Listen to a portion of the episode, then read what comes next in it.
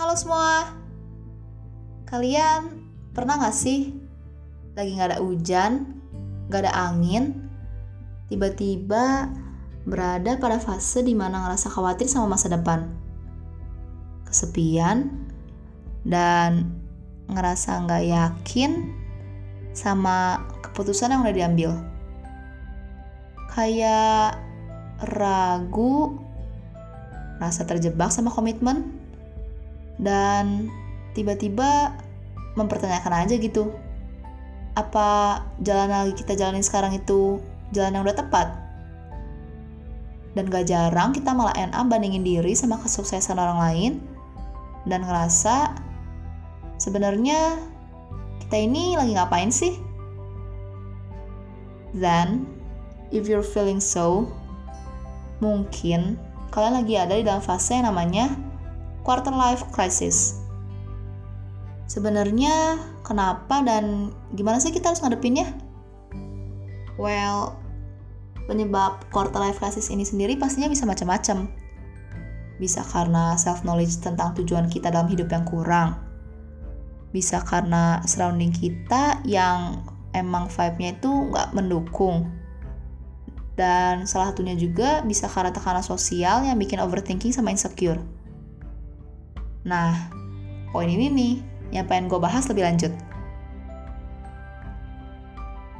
Udah jadi rahasia umum kalau banyak banget dari kita yang sering ngerasa stres berlebih sama segala kewajiban dan malah enak jadi overthinking. Ya, gue personally juga pasti sering banget ngerasain kayak gitu.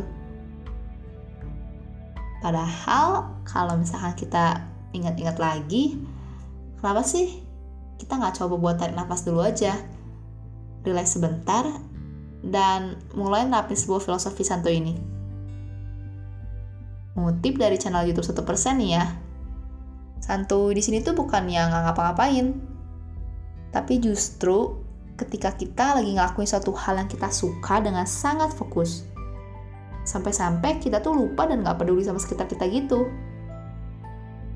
Kayak misal pas main game dengar musik, atau hal lain yang kita suka. Pasti pernah kan ya? Ibaratnya sih, saking enjoynya kita, sampai tuh kerjaan tuh udah berasa effortless gitu loh, dan gak kerasa beratnya. Kayak pas ngerjain, plong aja gitu. Walaupun prosesnya tuh ya emang masih melelahkan. Nah, prinsip kayak gini nih yang justru bisa banget buat kita jadi jauh lebih produktif. Selain overthinking, quarter life crisis ini juga tuh sering banget diperberat sama kebiasaan kita yang suka banding-bandingin diri sama orang lain.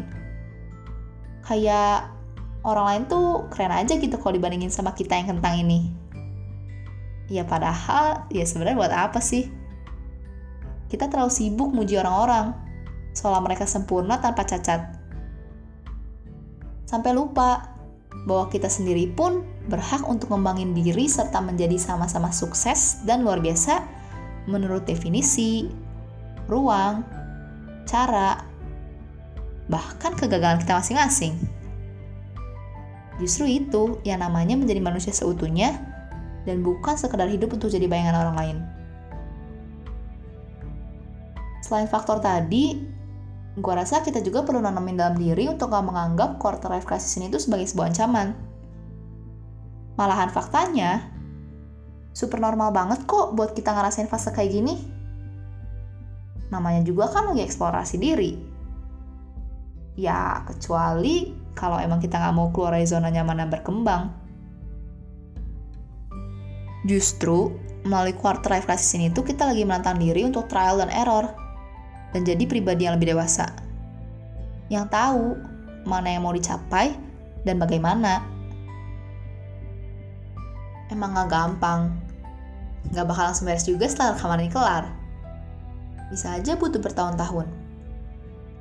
Tapi yang pasti, jangan sampai semua komparasi sosial yang ada di masyarakat sekarang ini membuat kita kehilangan jati diri dan berakhir dengan sekedar menjadi produk dari dogma masyarakat doang kayak come on guys, our worth tuh is definitely far more beyond that gitu loh.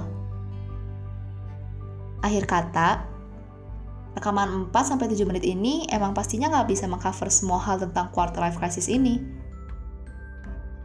Ada banyak banget hal lain yang masih bisa dieksplor jauh secara mandiri atau bahkan dari ahlinya langsung. Tapi yang jelas teman-teman, yang ingin gue tekankan di sini adalah kalau kalian lagi berada di dalam fase quarter life crisis ini, you are not alone.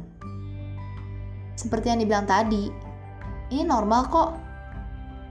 Yang penting, kita nggak nyerah dan terus cari solusi buat berkembang. Seenggaknya, satu persen setiap harinya.